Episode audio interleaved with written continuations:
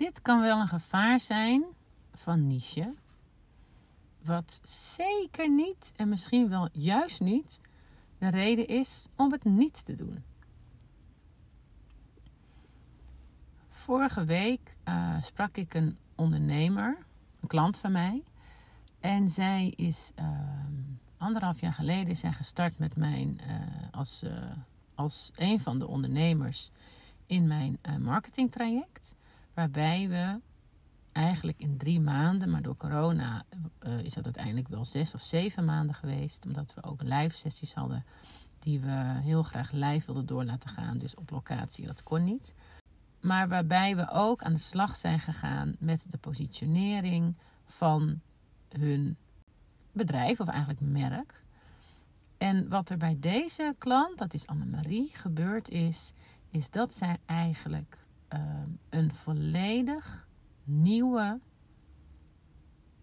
niche heeft gekozen. En daarmee ook haar aanbod volledig heeft aangepast. En waarom heeft ze dat gedaan? Omdat we erachter kwamen dat ja, zij is kinderkamerspecialist. En, eh, of ze heette geloof ik eerst stylist juist. Terwijl ze zich juist eigenlijk geen stylist voelde. En uh, we kwamen erachter dat zij dat um, nou ja, het ontwerpen van een kinderkamer super goed kan. Alleen ergens voelde het voor haar nog, nog niet helemaal. Of misschien niet meer helemaal passend. Maar kon ze ook de vinger er niet op leggen van wat, waar, waar wil ik nou precies naartoe. En wat we uiteindelijk gedaan hebben is helemaal teruggegaan naar, naar waar zij echt super sterk in is. En die kracht van haar, die zat niet in dat zij supergoed die kinderkamers in kan richten wat, eh, en kan uh, ontwerpen. Wat zij zeker wel kan. Alleen dat kunnen natuurlijk heel veel kinderkamerspecialisten. Maar de kracht bij haar zat dat zij uh, super intuïtief is. En heel goed aanvoelt. En uh, ja, een soort van door kan dringen tot wat een kind echt belangrijk vindt. Uh, wat uiteindelijk haar hele aanpak omgooide. Want waar zij zich eerst altijd richtte op de moeder en met de moeder van het kind, nou, nou richten ze zich ook op moeders met wat jongere kinderen, soms met zelfs baby's. Maar waarbij ze het eerst altijd met de moeder deed, voelde zij heel erg en ontdekten we dat ook in het traject, dat, dat zij juist zo goed die kinderen kan horen. Soms beter nog dan de ouders. Uh, dat zit in hetgene wie zij is, maar ook hoe ze is. Ze is heel rustig. Uh, geeft heel veel vertrouwen aan kinderen. Um, ja, toen ik met haar uh, de één op één sessies deed, toen voelde ik aan alles van jij bent een soort kinderfluisteraar. Je voelt energie aan. Wat super relevant is voor het ontwerpen en inrichten van een kamer. Want je weet dan precies wat een kind uh, welke energie die heeft, wat die nodig heeft, moet hij juist opladen of ontladen. En wat dat betekent voor de ja, hoekjes eigenlijk in een kamer. Voor de ruimte in in de kamer. Nou, dat is een klein onderdeel, want het was, is nog veel gelaagder uiteindelijk, waar uh, zij echt over gaat. Maar het gevolg was dat zij dus haar hele, ja, haar hele aanpak, maar ook haar hele boodschap veranderde. En specifieker werd in haar doelgroep.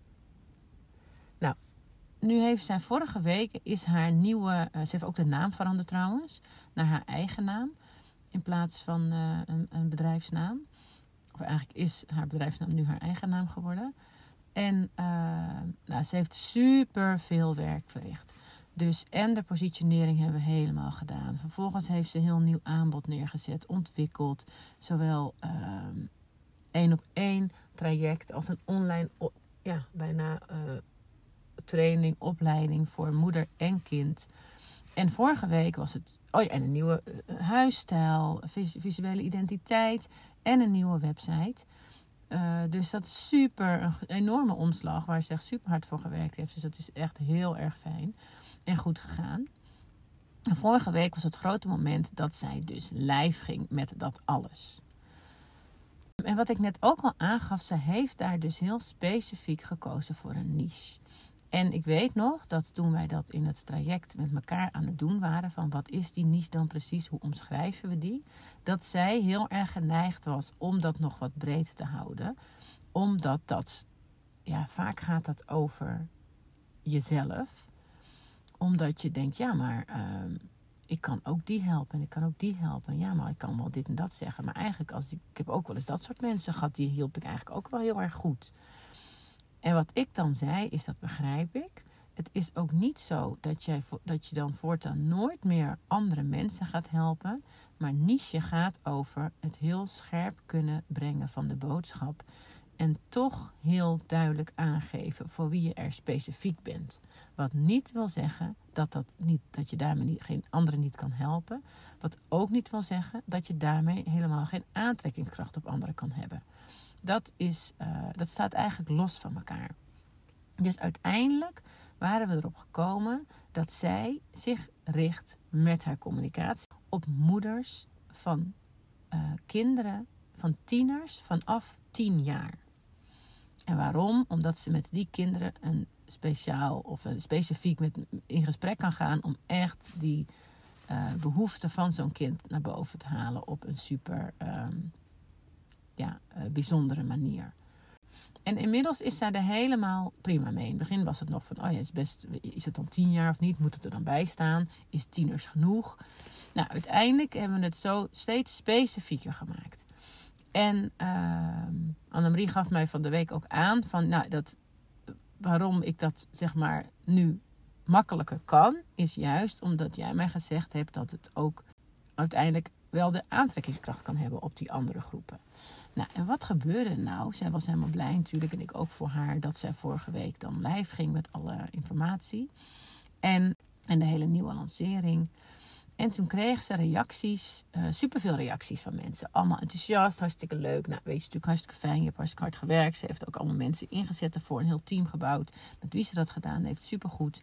En toen uh, appte ze mij op een gegeven moment dat ze dus een, dat het grappig is dat juist door dat niche, dat ze daar dan specifieke reacties op krijgt. En een van de reacties was um, juist het tegenovergestelde van niche. En die reactie die was, nou ik heb hem hier niet, maar die, die luidde, uh, super mooi allemaal. Maar uh, ik zou de doelgroep wel breder maken. Want zij hadden specifiek moeders. Want uh, moet je ook niet vaders en verzorgers. En nou ja, en het was ingegeven, want dat stond ook in het bericht, vanuit diversiteit. Um, dus je hebt natuurlijk twee vaders, twee moeders, misschien wel, weet je. Je hebt alle, tegenwoordig is het natuurlijk super relevant dat uh, alle, ook de alle seksuele geaardheden er zijn. De queer, de, de um, heteroseksueel, homoseksueel, nou, whatever wat je allemaal kan zijn. Maar zij was daar niet, dat viel haar op. En ik wist niet van wie dat bericht kwam. En de vraag is nu, wat doe je dan als dat gebeurt. Want uiteindelijk in eerste instantie zat zij daar natuurlijk zelf ook nog een beetje echt al toen we het daar in het traject over hadden. Met van ja, moet je dan precies moeder zeggen of kunnen het niet ook vaders zijn? Um, dus wat er kan gebeuren, wat overigens niet gebeurde bij haar, is dat je dan toch weer kan gaan twijfelen van, oh ja, ja dat, zei ik toch zelf ook al. Uh, moet ik het toch niet breder trekken? En uh, bij Annemarie was dat gelukkig niet aan de hand. Maar bij andere ondernemers en klanten zie ik dat wel vaker. Die dan toch daar weer wat onzekerder van worden. En dan toch gaan twijfelen aan hun eigen niche. Eigenlijk niet eens aan een niche, maar of ze nou wel zo specifiek moeten zijn. Vanuit de angst dat je dingen mist.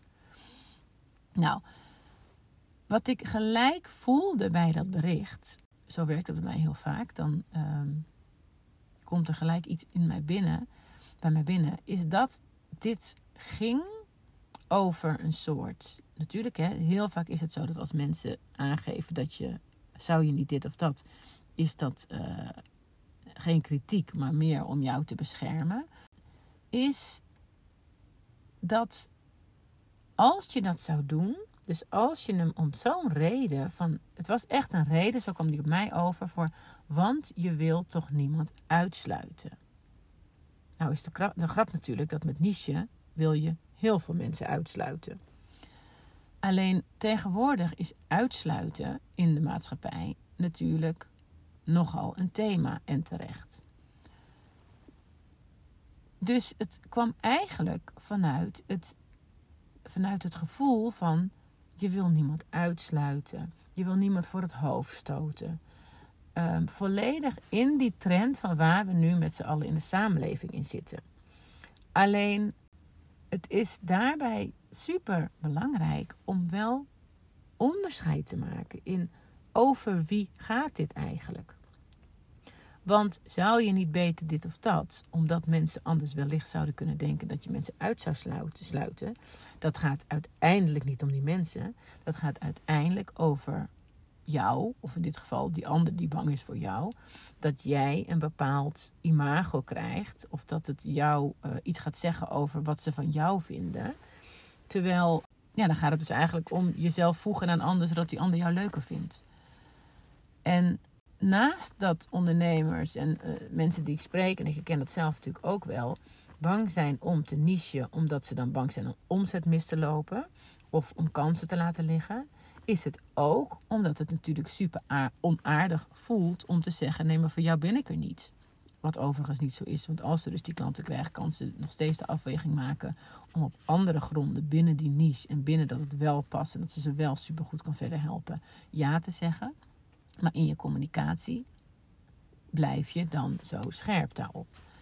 Dus wat gaf ik haar terug daarop? Nou, stelde ze mij niet eens een vraag hoor, want zij was daar zelf redelijk rustig, rustig onder gebleven.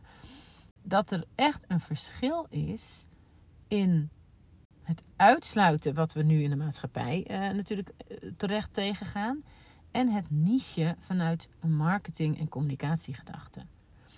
Uiteindelijk, als je niest, kan je voor jezelf ook veel scherper de boodschap neerzetten, omdat je één specifiek persoon of één specifieke groep voor je hebt. En daarmee is het duidelijker wat je doet, is het duidelijker wat je brengt, is het duidelijk wat het resultaat voor die mensen is. Zien die mensen duidelijker het resultaat, waardoor zij makkelijker een keus kunnen maken of om wel of niet met jou aan de slag te gaan. Ook als dat resultaat resoneert bij mensen die buiten je niche vallen. Maar dan valt, of dan past de rest van de boodschap ook supergoed bij hen, waardoor ze wel weer uh, jouw klant kunnen worden, omdat je ze toch, want het gaat uiteindelijk om dat resultaat. Dat je het resultaat behaalt wat je voor ogen hebt en wat je wilt dat je behaalt of wat mensen zelf behalen bij jou. Dat is waarom dat niche zo belangrijk is. Zodat het specifiek gericht is op die mensen. En als er anderen zijn die voor de rest, behalve dan die moeder zijn, want dit ging natuurlijk eigenlijk over geslacht, precies dezelfde wensen en in precies dezelfde situatie zitten, dan komt dat natuurlijk helemaal goed. Een ander interessant ding was dat uh, ik ook had gezegd van ik weet niet precies wie het zegt, maar nou, toen ging ik dus zeggen van maak je niet druk en het is juist heel goed en bla bla. Het is ook super goed natuurlijk, hè, dat gelijk en dat vond zij ook heel grappig, dat als je dus gaat nichen, dat er hoe dan ook reacties opkomen. En het feit dat er reacties opkomen is natuurlijk al heel leuk, want dan is het dus in ieder geval iets wat opvalt en wat specifiek is. En ik vind in marketing, communicatie en in branding en positionering specifiek zijn heel erg belangrijk. Omdat dat dus inderdaad lekker scherp is. Maar een ander ding, dus ik, ik zei dus van ik weet niet precies wie het was. En toen gaf zij terug dat dat dus iemand uit haar familie was. En dat is ook zo goed om je altijd te realiseren in zo'n geval als dit. Maar eigenlijk altijd, en dat heb ik volgens mij ook wel in andere podcasts al een keer genoemd. Bedenk je wie het zegt. Want de mensen die eh, dicht bij jou staan, die willen jou vooral beschermen. En dat was dit natuurlijk ook. En zeggen het om die reden. Dus wat ik ook altijd aangeef aan mijn klanten is: uh, bedank ze voor dat advies. Maar ga, en dat deed Annemarie ook niet hoor in dit geval, maar ga het ook niet uitleggen of verdedigen. Want dat herken ik bij mezelf ook wel, dat heb ik zelf ook wel gedaan. Dat als mensen die zelf niet ondernamen, of ze geen ondernemer waren, of zo in de materie zaten als dat ik dat zit, die vanuit bescherming voor mij daar ehm, een reactie op gaven. Of ja, commentaar kan het noemen, of uh, kritiek, waarbij kritiek iets te fel vindt, want zo fel is het niet bedoeld. Maar ehm, wat ik dan nog wel eens kon doen, en daar heb ik van geleerd, want dat werkt echt voor een meter, is dan ben je geneigd om het uit te gaan leggen. Om diegene helemaal mee te nemen in hoe het werkt en waarom het wel goed is. En uh, nou ja, wat je eigenlijk wil zeggen is: jij bent gewoon ondernemer, dus je snapt het niet. Ik zal eens even uitleggen hoe dat werkt bij ons ondernemers. Of dat je het gaat verdedigen. En dat is echt, dat kost heel veel energie. Want je denkt zoiets van nee, maar het, is, het klopt wel. En ik, dat weet je. Alleen, het heeft zo geen nut. Want ten eerste, weet je, misschien overtuig je iemand, misschien ook niet. Maar waarom? Waarom wil je degene overtuigen? Is gewoon helemaal zonde van je energie en van je tijd. Want diegene is nooit die klant binnen die niche in dit geval. Je hoeft diegene dus niet te overtuigen. Want als diegene wel een klant geweest zou zijn, specifiek die persoon die binnen die niche valt, had je die reactie nooit gekregen, omdat diegene zich dan super aangesproken voelt. En helemaal niet denkt: ik voel, uh, ik voel mezelf uitgesloten. Of ik voel dat jij hierbij mensen uitsluit. Die denkt gewoon van nou, fantastisch verhaal. Ik ben het helemaal mee eens. Het ben ik. Waar kan ik tekenen? Dus als je reactie krijgt op dat jij mensen uitsluit, is dat enerzijds van mensen om jou te beschermen, zodat jij niet uh, onaardig overkomt. Anderzijds, omdat ze misschien net als jij dat ook wel geneigd kan zijn om te denken als ondernemer, als ik naar mezelf kijk en keek, dat je uh, dingen mist, omzet met liggen. Of het is omdat ze zelf die doelgroep niet zijn. En de kracht en de kern van niche is natuurlijk je energie besteden aan jouw niche. En het is dus niet jouw niche. Nou, ik vond het leuk om dit even in deze podcast met je te delen. Ik had naar aanleiding van de vraag, of eigenlijk de opmerking, de reactie van Annemarie hierover, dacht ik dus ook gelijk van, oh ja, dit is ook echt wel een goede om een podcast over op te nemen. Omdat je natuurlijk, als je dingen verandert en als je scherper wordt, dat dat reacties oproept. En dat kan dus bij jou voor verschillende emoties zorgen. Nou, ik was super blij dat Annemarie uh, zo sterk daar al in stond. Dat ze het vooral grappig vond om te zien. En zich niet van de stuk liet brengen. En ze lekker doorgaat. Uh, gelukkig ook omdat ze dacht, dat zei ze ook, van, omdat ik had aangegeven van het wil niet zeggen dat je voor de rest echt niemand anders meer kan helpen. Dat het ook met name ook uh, gaat over die marketing en communicatieboodschap. Als het resultaat maar daar is. Um, en ik ben benieuwd of jij al een hele heldere niche hebt. In mijn traject werk ik daar heel erg aan.